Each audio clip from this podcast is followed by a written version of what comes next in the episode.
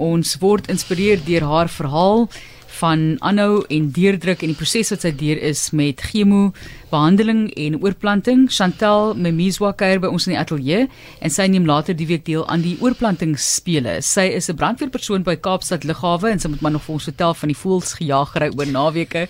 Baie welkom aan jou. Goeiemiddag Marlies. Dis lekker om dit te gesels. Hier. Vertel net vir ons eerstens ehm um, watter oorplanting moes jy kry? Mense dink nou baie keer aan jy weet 'n uh, deel van iemand se lewer of 'n nier of hoe dit ook al sê. En myne was 'n beenmerg oorplanting. Ja. Be nuwe beenmerg, nuwe nuwe immuunstelsel basically. Stamsel ook, soos ek verstaan. Nee, nie stemsel is gewoonlik iemand jou eie. Ja. Maar ehm um, ehm um, ek weet 'n um, beenmerg is as wanneer jy van iemand anders afkry. Mm. Goed, soos in my geval was dit my ouer suster. Ja, want ek ek het nou vir jou gevra want baie mense moet lank wag om iemand te kry wat by hulle stelsel pas of wat hulle stelsel sal aanvaar en in hierdie geval was jy dankbaar dat jy familielid gehad het. Ja, my ouer suster Astronetta was 'n 100% match. So forever grateful vir dit. Jo. Vertel ons op watter ouderdom met hierdie ding gebeur? Wanneer jy siek begin raak, siek begin voel? Ehm um, 2017 toe ek omtrent 38 Um maar my my simptome het begin in 2016 um baie gewig verloor, night sweats, um abdominal pains, net uncomfortable en ek het gedink okay, seker maar van hardloop. Ek het maar altyd gehardloop. En einde van 2016 toe voel ek so 'n uh, like 'n lymph node aan die regterkant van my bors en toe dink ek immediately borskanker. Maar ek kon toe nie dadelik vir my gaan toets nie because my benefits was nou al klaar vir die jaar. Toe gaan ek in 2017. Um Januarie en toe doen hulle um 'n mammogram en 'n ultrasound en hulle kon niks optel nie. Hulle kon niks optel eerstens hoe het hulle dit toe gevind? Um toe gaan ek na my diabetes dokter, die endocrinologist, dokter Henny Norke. Hy ondersoek jou mos van kop tot toe en so. As dit vir hom was hy sal ek seker nie nou nog nou nog hier gewees het vandag en so. Sjoe. Ja. Want by ouend was dit toe vlak 4. Stage 4 ja, ja, vlak 4 ja. En maar as eers toe hulle um, die biopsie gedoen het, toe hulle besef het dit is um nie Hodgkin's limfoomkanker fase 4 groot skok. Jy dink, kyk, ek is dan nog redelik jonk, want mense dink mos lank jy's jonk totdat jy nie meer reg jonk is nie. Saam so is al met jou in die 40s, maar ehm um, was dit vir jou skok geweest? Dit was 'n skok geweest ja. Um ek het like gevoel my lewe is verby en ek was van plan om my eerste two oceans um ultramarathon te doen. Ek het al klaar ingeskryf en dink ek alles is oor vir my, maar God het 'n groter en 'n beter plan gehad vir my lewe en daar het so baie dinge gebeur van 2017 tot nou toe en ek sal niks verander vir ja. dit nie vir die journey wat ek geloop het. Nie. Kom ons draai gou die horlosie bietjie terug. Jy het redelik aktief groot geword en en en en 'n bietjie netbal gespeel en so op skool en toe vlam gevat. Jy, jy was in die weermag ook ruk, né? Ek het 'n bietjie netbal gespeel maar nie regtig nie en in weermag ja, het ek gejoin um 2000 um het ek my basic um training gedoen en ek het baie van 'n gewig verloor en daai is mos sluk nou en kou later. en toe ek gewig net so opgetel en begin en dis die 'n jaar later toe ek gediagnoseer met diabetes type 2. So weer onaktief geraak because basically jy word nie so geforseer om aktief te wees nie. Toe ek begin stap en 'n bietjie volleybal gespeel vir 'n jaar gestap en toe ek die 2004 begin hardloop en dis waar ek my liefde vir hardloop om begin develop wat ek agtergekom het maar die is my ding hardloop. Maar jy was toe nog steeds in die weermag. Ja, ek was steeds in die Wanneer het jy uitgegaan en in jou volgende opwindende loopbaan ingegaan uh, en dit is uh, brandbestryding, né? Nee, ek in die, na ek my basiese opleiding gedoen in die weermag het ek um my training gedoen vir brandweer. So ek was 'n brandweervrou in die weermag. En Cape Town International Airport begin die 1 Mei as 'n brandweervrou. Ja. En dan sê jy gevra oor naweke. Wat doen jy dan uh, waar jy so rondhardloop? Um so so sê ons wil eintlik brand hê by by die lughawe nie. But besides that um um ons doen fire prevention ons jaag die volle weg van die vliegtye af because dat kan um, oorsaak um, skade veroorsaak en dan ja. doen ons aircraft marshalling also dat's baie goed wat ons besig hou daarso mm. nou dit dag jy's gepraat oor hoe hulle dit hanteer voels op lughawens maar Nou het jy die diagnose toe gekry en jy weet jy voel jou lewe het nou tot 'n stilstand gekom. Die behandeling was intensief sê jy ook. Die eerste keer was dit het ek in 2017 my toe hulle uitvind is is nie Hodgkin's limfoomkanker en steeds voor omdat na my beenmerg toe gesprei het. Ja. Um toe een keer vir so vir 3 ure elke derde week. En einde Augustus toe is my scans clear en ek het nog ingeskryf vir my tweede Cape Town marathon marathon is 42 km maar ek het nie geweet of ek kan, gaan survive nie of ek dit kan maak nie. Maar toe my en hy was in September toe my scans clear is toe gaan participate en met my man hy het ook eens gereg regtig genoeg geoefen nie in Toe besluit hy gaan nou sommer um join en so ons het saam gehardloop en ons het die, die cut off was 6 ure en 30.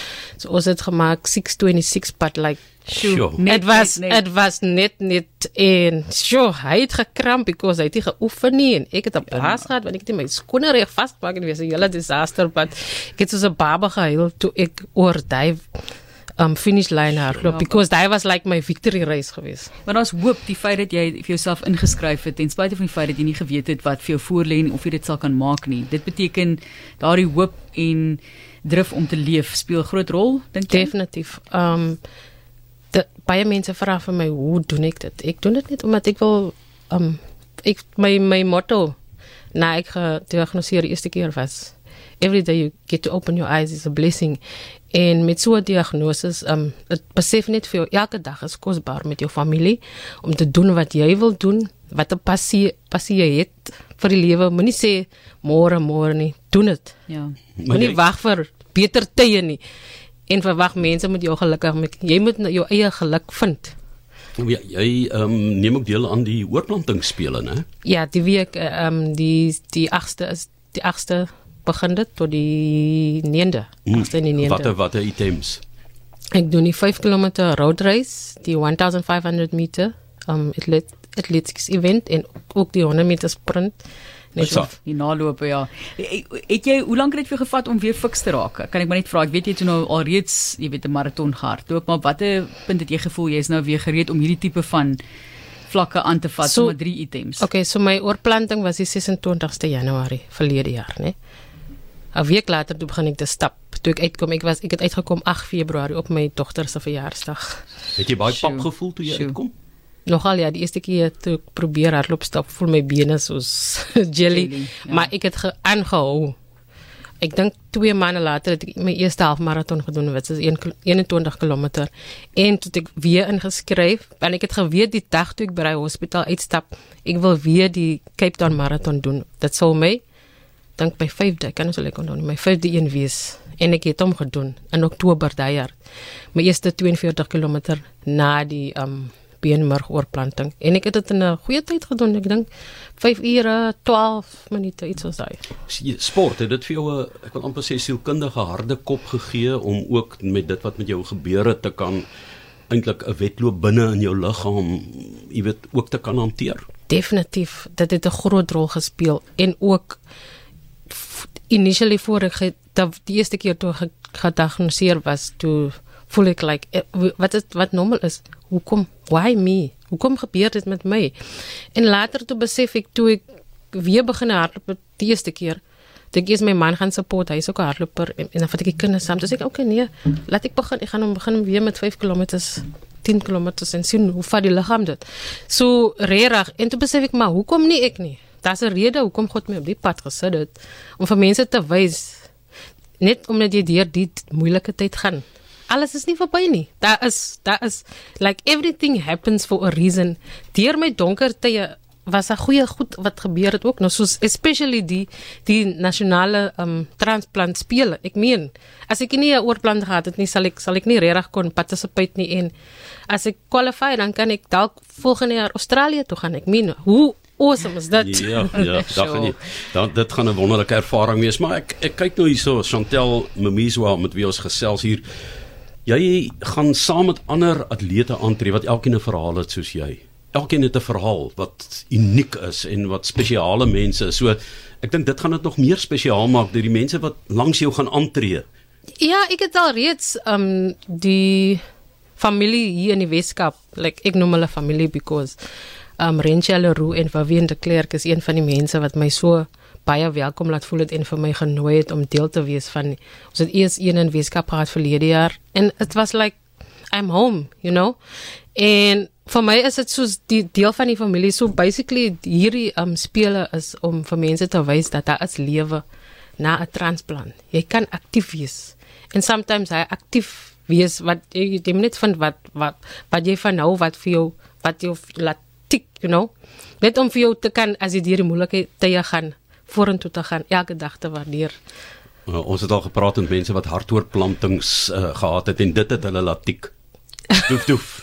en vir ons ook, ek meen die emosionele waarde, jy weet wat daarin mense met nuwe niere en en die ongelooflikste uh, mense wat al by ons in die ateljee was. Jy's een van hulle en jy het 'n pragtige verhaal, maar ehm um, Wat is wat is dit in jou lewe wat jou altyd gedryf het by die punt uitgebring het dat jy as daar 'n hekkie voor jou is dit kon oorsteek en wat sê jy vir ander mense wat voor daardie uitdagings te staan kom? Ek dink ek het dit gevind in hardloop road running specifically. Ek initially het ek besef wat dit is nie, wat dit doen vir my nie. Toe besef ek maar is hulle noem dit runners high.